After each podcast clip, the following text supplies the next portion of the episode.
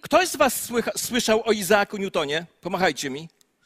Ja też słyszałem z książki od fizyki.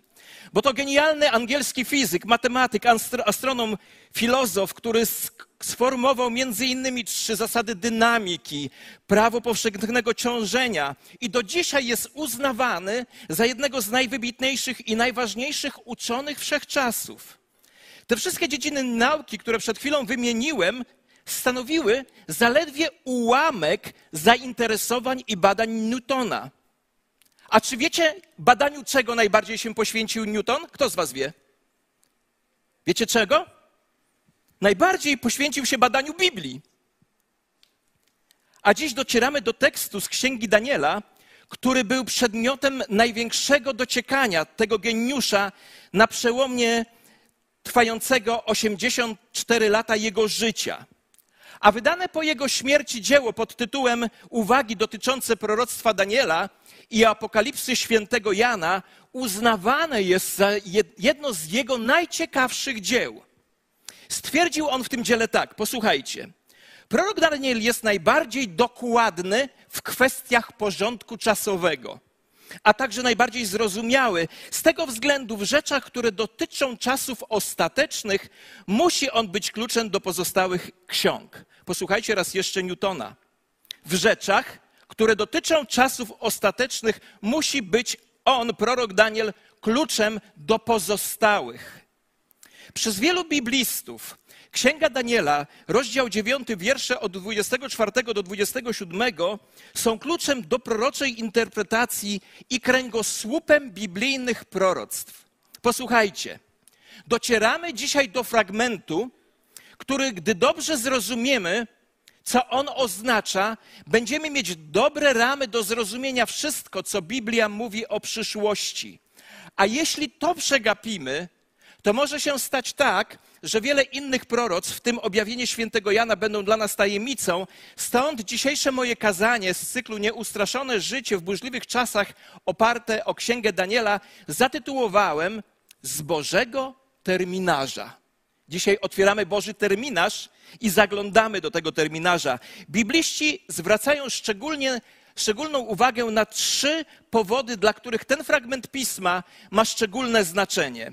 Powód pierwszy. Jest on świadkiem prawdy o boskim objawieniu Biblii i zawartych w niej proroctwach. Słowa z Księgi Daniela 9, 24, 27 zostały przekazane przez anioła Gabriela w 538 roku przed naszą erą, a opisują wydarzenia, na których spełnienie trzeba było jeszcze czekać setki lat. A wydarzenia te są kluczowe dla całej ludzkości. Przekazał więc anioł Gabriel na ponad 500 lat przed spełnieniem się proroctwo dotyczące śmierci Chrystusa i zniszczenia Jerozolimy przez armię rzymską w 70 roku naszej ery. Ukazał też chronologię dotyczącą przyszłości Izraela. Niektórzy uczeni twierdzą, że fragment ten dokładnie wskazuje moment w historii, w którym Mesjasz zaprezentuje się narodowi żydowskiemu. Posłuchajcie. Posłuchajcie, bo to jest niezwykle ważne. To objawienie, które za chwilę będziemy czytać, zostało przekazane na 500 lat przed tym, jak się to wydarzyło. Druga rzecz. Ten tekst jest kamieniem, o którym o który potykają się tak zwane teorie naturalistyczne, czyli te teorie, które odrzucają istnienie świata duchowego, a całość zjawisk tłumaczą tylko i wyłącznie prawami przyrody. Wiecie, od wielu pokoleń liberalni uczeni próbują bezskutecznie podważyć datowanie księgi Daniela, aby usunąć ciężar i wartość zawartych w niej proroctw. Mówią, że ta księga została napisana dopiero po wydarzeniach, o których prorokuje, ale że została napisana w taki sposób, że wygląda, że została napisana przed tymi wydarzeniami.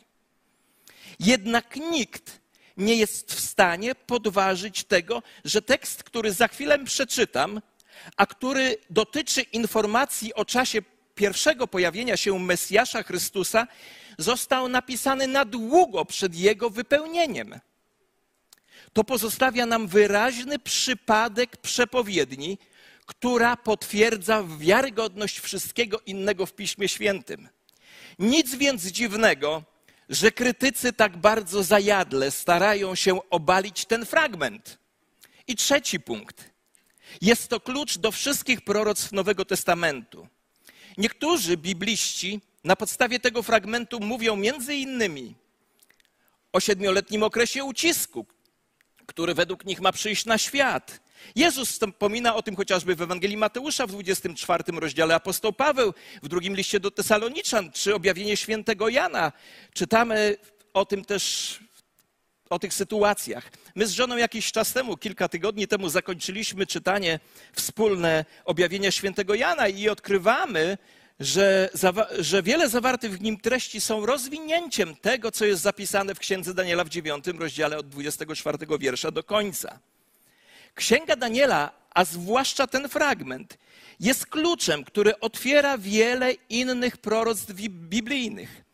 I zanim przeczytamy ten fragment, przyjrzyjmy się jeszcze przez chwilę jego tłu, bo to czyni ten fragment także fascynującym. Jest rok 538 przed naszą erą. Daniel, czytając księgę Jeremiasza, mówiłem o tym tydzień temu, zdaje sobie sprawę, że wygnanie w Babilonie wkrótce się skończy. Następnie, jak wiecie, modli się, wyznaje swoje grzechy, grzechy swojego ludu i prosi Boga o ich powrót do ojczyzny.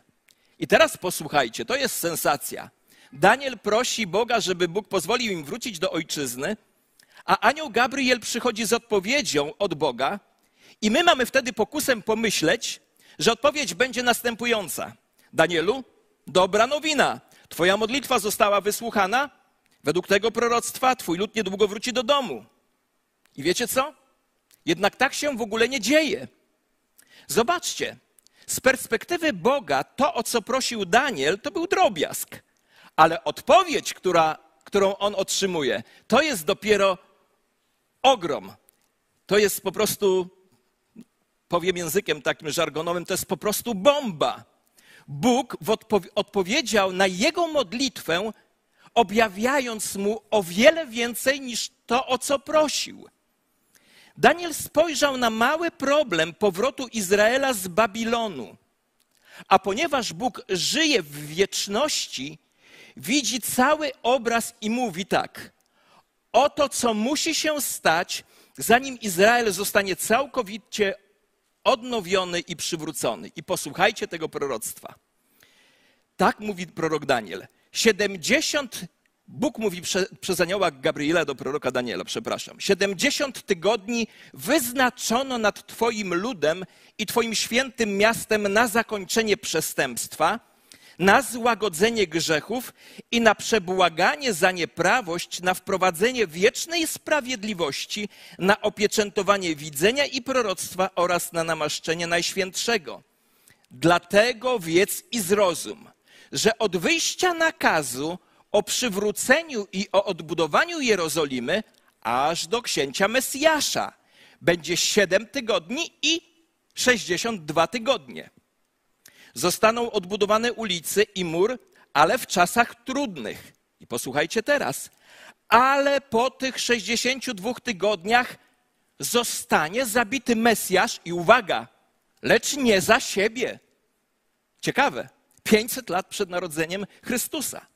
A lud księcia, który przyjdzie, zniszczy miasto i świątynię, i jego koniec nastąpi wśród powodzi, i do końca wojny są postanowione spustoszenia utrwali przymierze z wieloma przez jeden tydzień. A w połowie tego tygodnia sprawi, że ustanie ofiara spalana i ofiara z pokarmów, a przez mnóstwo obrzydliwości uczyni spustoszenie aż do końca i wyleje się to, co postanowione na tego, który ma być spustoszony. Gabriel więc mówi Danielowi, że ta całkowita odnowa Izraela stanie się po 70 tygodniach, a jest to interpretowane w taki sposób, że 70 tygodni to jest 490 lat, 7 razy 70. W czasie tych 490 lat będą miały miejsce następujące wydarzenia. Posłuchajcie. W ciągu pierwszych 49 lat tego okresu odbudowane będą ulice i mury Jerozolimy. I po tym okresie odbudowy, po 434 latach, pojawi się oczekiwany Mesjasz. Razem daje to 483 lata z tych 490. Mesjasz zostanie zaraz zabity. Jerozolima zostanie zaatakowana i zniszczona. Wielu pójdzie za tym, który dokonał spustoszenia, a on sam będzie twierdził, że jest kimś wielkim. Jezus mówi o ohydzie spustoszenia. I zapoczątkowuje on ogromne prześladowanie, ale ostatecznie zostanie on zniszczony. I wtedy, i tylko wtedy, gdy to się wypełni, to sześć obietnic z wiersza, który rozpoczyna ten tekst, czyli z 24 wiersza, się wypełnią. A te sześć obietnic są następujące. Posłuchajcie. Pierwsza, kres przestępczości. Druga, koniec grzechu. Trzecie, odkupienie z nieprawości. Czwarte, wprowadzenie wiecznej sprawiedliwości. I piąte, zapieczętowanie wizji i proroctwa. I szóste, namaszczenie miejsca najświętszego. I to zapoczątkuje okres bezprecedensowego w historii błogosławieństwa dla narodu izraelskiego. Kiedy czytamy ten fragment, musimy pamiętać, że dotyczy to wyłącznie Izraela. Nigdzie tam nie widać kościoła. Być może jacyś interpretatorzy się kościoła tam doszukują, ale ta, będzie trochę o kościele, tylko w innym kontekście. Bo to, co mówi anioł, ma związek, jak czytamy w tym proroctwie, z Twoim ludem, mówi do Daniela, i z Twoim świętym miastem. Poświęćmy więc jeszcze chwilę czasu, by to dokładnie przeanalizować. Ja mam świadomość, mówiąc to do Was, że jest wiele różnych interpretacji tego fragmentu. Ja też nie do końca odkrywam różne moje przekonania. Ja, się, ja szanuję każde z tych przekonań, dzielę się tym, co może jest dla mnie najbliższym, a przynajmniej tym, co może Was pobudzi, żeby samemu poszukać, jak to jest. Przeanalizujmy raz jeszcze ten fragment. Pierwszy punkt to jest znaczenie i cel okresu 70 tygodni, czyli tych 490 lat. Raz jeszcze posłuchajcie. 70 tygodni wyznaczono nad Twoim ludem i Twoim świętym miastem na zakończenie przestępstwa, na złagodzenie grzechów i na przebłaganie za nieprawość, na wprowadzenie wiecznej sprawiedliwości, na opieczętowanie widzenia i proroctwa oraz na namaszczenie Najświętszego. Niemal wszyscy znawcy Biblii zgadzają się, że 70 tygodni to 490 lat, które muszą minąć, zanim Boże cele dla Izraela zostaną wypełnione. I to jest o wiele większy temat niż pytanie Daniela, jak szybko wrócimy do naszej ojczyzny. Boże zamierzenia wykraczają daleko więcej poza powrót Żydów Babil z Babilonu. Sześć fraz w tym wersecie, które już czytałem, opisują pełną Bożą intencję wobec Izraela. Bóg zamierza raz na zawsze uporać się z grzechem, narodu, ustanowić naród żydowski w stanie wiecznej prawości i wiecznego błogosławieństwa. Żadna z tych sześciu wcześniej przeze mnie wymienionych rzeczy nie została jeszcze spełniona w odniesieniu do narodu Izraela.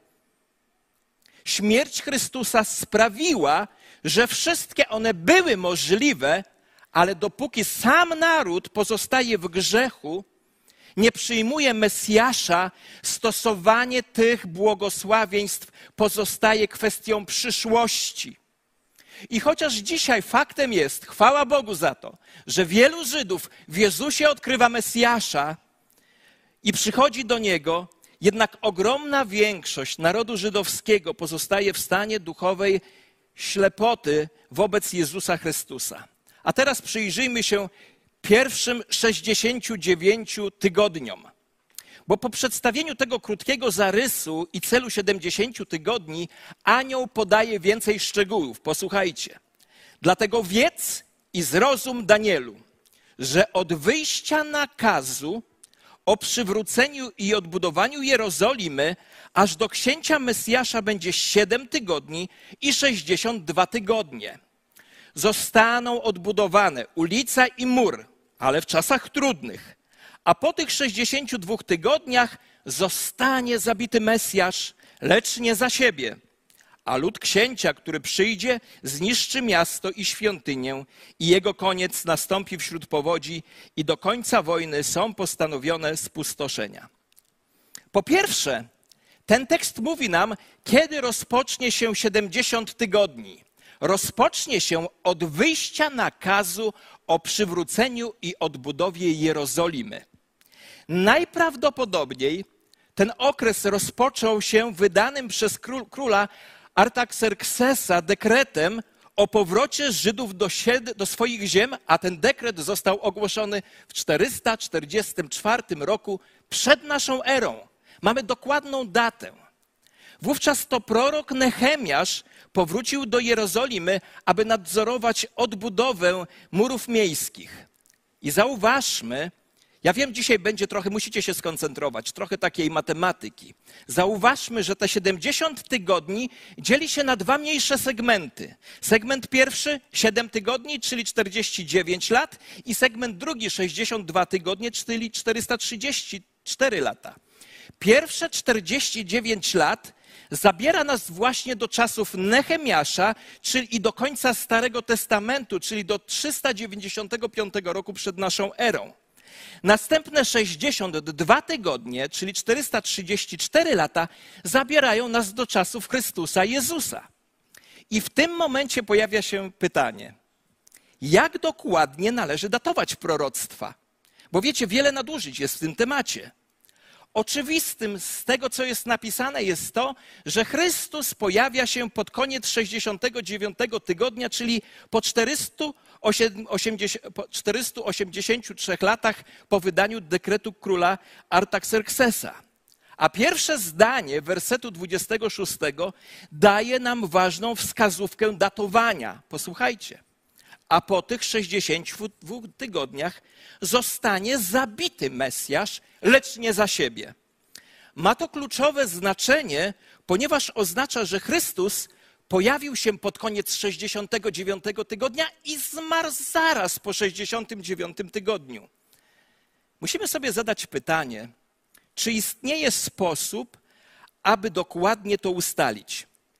I posłuchajcie o pewnym człowieku, który się tym zajął przeciekawym człowieku. Żył w latach 1841-1918 w, nasz, w naszym, naszej już ery. Sir Robert e, Anderson. On był zastępcą komisarza londyńskiej policji metropolitalnej. Był oficerem wywiadu, a przy tym teologiem, pisarzem i po niezwykle skrupulatnym przebadaniu tego proroctwa doszedł do wniosku, że słowa z Daniela, rozdział 9, zostały wypełnione z niezwykłą dokładnością. Zaproponował również, że lata z księgi Daniela, 9 rozdział, były żydowskimi latami, tak jak Żydzi liczyli kalendarz, no bo to dla Żydów było pisane, czyli był to kalendarz księżycowy, którego rok wynosi 360 dni. I podsumowując, doszedł do wniosku, posłuchajcie jakiego, obliczył to, że 69 tydzień, czyli 483 lata, zakończyły się dokładnie w dniu, w którym Jezus wjechał w niedzielę palmową do Jerozolimy na kilka dni przed ukrzyżowaniem. Badacze w oparciu o różne dane sugerują, że może to być, że może to być 30 marca 33 rok naszej ery a Jezus został ukrzyżowany cztery dni później, czyli po, 60, po 69 tygodniu, jak to przepowiedział anioł. Jeszcze raz to powiem wyraźnie. Znalezienie dokładnych dat w starożytnej historii może być bardzo trudne i istnieje wiele sposobów obliczania tych pierwszych 69 tygodni. Jednak wszystkie teorie pokazują wyraźnie, że 483 lata kończą się podczas ziemskiej posługi Pana Jezusa Chrystusa. A reszta wersetu opisuje złupienie Jerozolimy w 70 roku przed, przez armię rzymską. Posłuchajcie. a lud księcia, który przyjdzie, zniszczy miasto i świątynię, i jego koniec nastąpi wśród powodzi, i do końca wojny są postanowione spustoszenia. I teraz taki kruczek. Część teologów widzi zamknięcie tego proroctwa w zdobyciu Jerozolimy i zburzeniu świątyni w 70 roku przez Tytusa Flawiusza, dowódcę rzymskiego, który potem został cesarzem Rzymu. Lecz jeszcze jest inna interpretacja. Zakłada, że książę, który ma przyjść i jest opisany w tym proroctwie, to antychryst, który powstanie z odrodzonego cesarstwa rzymskiego w dniach ostatecznych, czyli w czasach, w których my żyjemy. A jakie jest moje zdanie? Ja mam taki żydowski sposób myślenia. I tak, i tak. Ja po prostu myślę, że jest coś tutaj z proroctwa, które nazywamy proroctwo podwójnego wypełnienia, że ono się wypełnia dwukrotnie. Daniel ujawnił tożsamość antychrysta w siódmym rozdziale, który studiowaliśmy, opisując je jako mały róg, który wyrośnie z Imperium Rzymskiego. Dał jego pierwowzór w rozdziale ósmym, opisując Antiocha Epifanesa.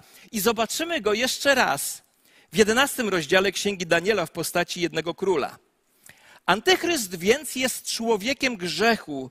Z drugiego listu apostoła Pawła do Tesaloniczan jest bestią z 13 rozdziału Księgi Objawienia, Antychryst będzie ostatnim i najgorszym prześladowcą Żydów, bo jest on fałszywym Chrystusem, fałszywym Mesjaszem szatana. Jest zarówno przeciwko Chrystusowi, jak i chce stanąć w miejsce Chrystusa. Do tej pory więc mieliśmy do czynienia z 69 tygodniami spośród 70. Wynika z tego, że jeszcze musimy spojrzeć na ostatni czyli 70 tydzień. Jeśli, posłuchajcie uważnie, jeśli zinterpretujemy, że książę z wiersza 26 to antychryst, to znaczy, że jego główna działalność ma miejsce podczas 70 tygodnia. I teraz przez chwilę, ja nie kruszę o to kopii, to jest jedna z teorii, przyjrzyjmy się takiej interpretacji tego ostatniego 70 tygodnia. 70 tydzień. Już kończymy, słuchajcie, prawie. Do tej pory uwzględniliśmy 62 tygodnie, teraz 70. Wersety 25-26 omawiają pierwsze 483 lata, które Bóg ustanowił dla Izraela. Ale co właśnie z tym ostatnim tygodniem, z, tym, z tych ostatnimi siedmioma laty?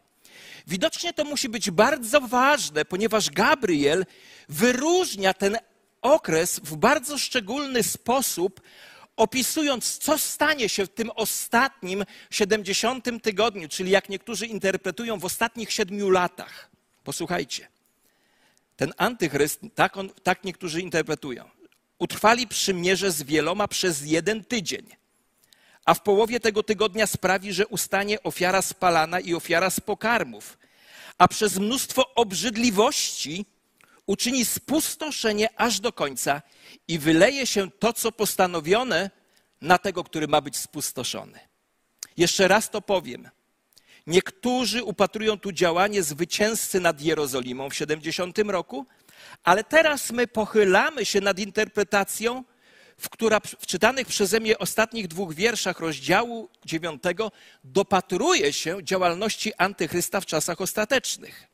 Według tych interpretatorów 70, czyli ostatni tydzień, to jeszcze przyszły także dla nas okres siedmiu lat, w których Antychryst dojdzie do władzy, zawrze siedmioletni traktat z częścią narodu wybranego. Traktat ten złamie w połowie tego okresu i rozpocznie 3,5-roczny straszny okres prześladowań na całym świecie. I pod koniec tego okresu sam Antychryst zostanie nagle zniszczony. Ale Posłuchajcie, ta interpretacja oznacza, że istnieje przerwa między 69 tygodniem, 69 tygodniami, a 70. To znaczy tak. 69 tydzień skończył się w 33 roku z ukrzyżowaniem Jezusa i potem jest czas, być może 2000, może ciut więcej lat i dopiero zaczyna się 70 tydzień. Tak ci interpretatorzy to sobie tłumaczą. I ten, ten, ta, ta przerwa między tymi ostatnimi tygodniami będzie trwała i trwała, A w tym czasie właśnie pojawia się Kościół, chociaż tu nie jest opisany. W tym czasie istnieje Kościół, który modli się o Izrael, o Boży naród wybrany. I to jest nasza odpowiedzialność, bo Bogu zależy na Izraelu. Apostoł Paweł w liście do Rzymian mówi o tym bardzo wyraźnie. I wiecie, komentatorzy, komentatorzy Pisma Świętego sobie ze wszystkim poradzą, więc radzą sobie z tą dwutysięczną przerwą w jakiś sposób. A ja chciałbym w tym momencie nagle zakończyć i zatrzymać się, bo ja się nie czuję zbyt kompetentny, aby to dalej rozważać, ale wam powiem, w styczniu mamy zimowisko, którego tematem będą czasy ostateczne, a naszym wykładowcą, jak Bóg pozwoli, mój przyjaciel, pastor Adam Piątkowski, który jest zafascynowany tym tematem. Także już odkładajcie pieniążki, bo jak wiecie, ceny niestety rosną, a temat jest ważny. I teraz zakończenie. Bez względu na wszystkie różne interpretacje, my spróbujemy to jakoś podsumować, połączyć w całość i wyciągnąć dla nas praktyczne lekcje. Bóg określił 70 tygodni, czyli lat dla narodu żydowskiego. Pierwsze 69 tygodni, lat zakończyło się tuż przed śmiercią Chrystusa. W przyszłości Bóg ponownie poradzi sobie z Izraelem w ostatnim 70 tygodniu, czyli okresem, którego część niektórzy bibliści nazywają czasem wielkiego ucisku. A kiedy ten czas dobiegnie końca, sześć wielkich błogosławień z wersetu 24 spełni się dla Izraela, a Chrystus ustanowi swoje królestwo na ziemi, na które my czekamy. Z tego fragmentu wyłania się wiele prawd, a my podsumujemy to tylko kilkoma. Pierwsza prawda. Bóg jest suwerennym Bogiem nad wszystkimi szczegółami historii. Słowa anioła Gabriela mówią nam, że cała historia jest w ręku Boga. Nic się nie dzieje przez przypadek i wszystkie rzeczy współpracują ze sobą, aby wypełnić boskie cele ustanowione przez Pana Boga. Drugie, Bóg jeszcze nie skończył z narodem żydowskim. To dobra nowina, bo ona dotyczy także Kościoła. Chociaż dzisiaj ogromna większość Żydów żyje w niewierze, nadchodzi dzień, w którym Izrael ponownie sta stanie na czele planu Bożego i zobaczą tego, którego przebodli i uznają w nim Mesjasza. Rzymian 11:26 apostoł Paweł obiecuje, że kiedy Chrystus powróci, cały Izrael zostanie zbawiony, uratowany. Bóg kocha Izrael, dlatego wśród chrześcijan nie ma antysemitów. Wśród chrześcijan są ludzie, którzy bojują w modlitwie o Boży lud izraelski, ponieważ on jest także ludem ukochanym przez Boga, jak my i jest w planie Bożego zbawienia. Bóg chce ich zbawić. Apostoł Paweł o tym mówi wyraźnie. Inaczej mówiąc, kochani, dobra nowina. Największe przebudzenie w historii jeszcze przed nami. Obyśmy je doczekali. Dzięki Bogu ostatni rozdział dla ludu wybranego przez Boga nie jest jeszcze zamknięty. I trzecia myśl z tej księgi. Biblia jest absolutnie, całkowicie prawdziwa jest nieomylnym słowem natchnionym przez Boga. Daje nam wiarę w to, co jeszcze się nie spełniło, a stanie się tak, jak przepowiedział anioł dwa i pół tysiąca lat temu. Każde słowo Biblii jest prawdziwe, ponieważ każde słowo pochodzi od Boga. I czwarta myśl. Żyjemy w czasach zamieszania. I nie powinniśmy być zaskoczeni, gdy słyszymy o wojnach w wielu miejscach nie może być trwałego pokoju, dopóki nie przyjdzie książę pokoju. Ale nie powinno nas to prowadzić do pesymizmu, nie powinno nas to prowadzić do rezygnacji z wysiłków na rzecz pokoju, ale powinno nas prowadzić do pewnego rodzaju szczerego realizmu w tych kwestiach naszych wysiłków i czynić nas ludźmi pokój czyniący, bo tacy ludzie są błogosławieni. Pamiętajmy o tym że dopóki nie zmieni się grzeszna i zdziczała natura ludzkiego serca, zabijanie nigdy się nie skończy, dopóki Chrystus nie powróci. I piąte, i ostatnie. Kluczową kwestią jest osobiste poznanie Jezusa Chrystusa. Najważniejszą rzeczą na świecie jest poznanie Jezusa Chrystusa. Jeśli go nie znasz, to nie masz powodu, żeby dalej istnieć, zbyt wielkiego powodu, bo to On jest drogą, prawdą i życiem. Tylko On może zabrać Ciebie do nieba. Jeśli Chrystus Ciebie do nieba nie zabierze, to nikt Cię tam zabrać nie może, bo oprócz Niego nie ma zbawienia. Jezus jest obiecanym Mesjaszem Izraela i Zbawicielem wszystkich tych, którzy Jemu ufają. Czy Go znasz? Czy Go znasz? Pewnego dnia, może już niedługo, On powróci i zabierze swój lud do siebie. Czy jesteś gotowy Go poznać? Jeśli tak, to biegnij do centrum Jego dzieła, do krzyża. Tam złóż wszelkie swoje grzechy na Nim, bo On umarł nie za swoje winy. Pamiętacie z Księgi Daniela? I tylko On może przebaczyć Ci grzechy, zaspokoić Twoje największe potrzeby, bo On jest tym, o którym mówił prorok Daniel. Jest spełnieniem Bożych obietnic złożonym w Starym Testamencie. A ja dzisiaj chcę Was zachęcić słowami psalmisty. Skosztujcie i zobaczcie, że dobry jest Pan. I dzisiaj lud Boży, który czeka na powrót Mesjasza, powinien zawołać te stare, wydać okrzyk tym starym chrześcijańskim wyzwaniem: Maranata, przyjdź, Panie Jezu. I tego przyjścia Wam i sobie życzę, by to przyjście było dla nas czasem, kiedy On zabierze nas do siebie, abyśmy gdzie On jest i my byli. Dlatego badajcie proroctwa, objawienie świętego Jana, błogosławieni, którzy czytają i strzegą treść proroctwa tej księgi. Tak mówi Boże Słowo.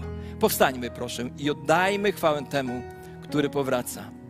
Panie, dziękujemy Tobie, że jesteś obiecanym Mesjaszem, że historia zbliża się do finału. Choć może to jeszcze potrwać, nie wiemy ile, ale wiemy, że powrócisz tutaj i że zostanie zbawiony cały Izrael i że my zostaniemy zabrani do Ciebie, abyśmy gdzie Ty jesteś i my byli. A jeśli ktoś z nas, Panie, jeszcze nie jest w Twoich dłoniach, to dziękuję Ci, że dzisiaj one są wyciągnięte w naszą stronę. I jest ta Twoja obietnica, że nikogo, kto do Ciebie przychodzi, Ty nie odrzucasz precz, ale przyjmujesz każdego. Amen. Oddajmy Mu chwałę.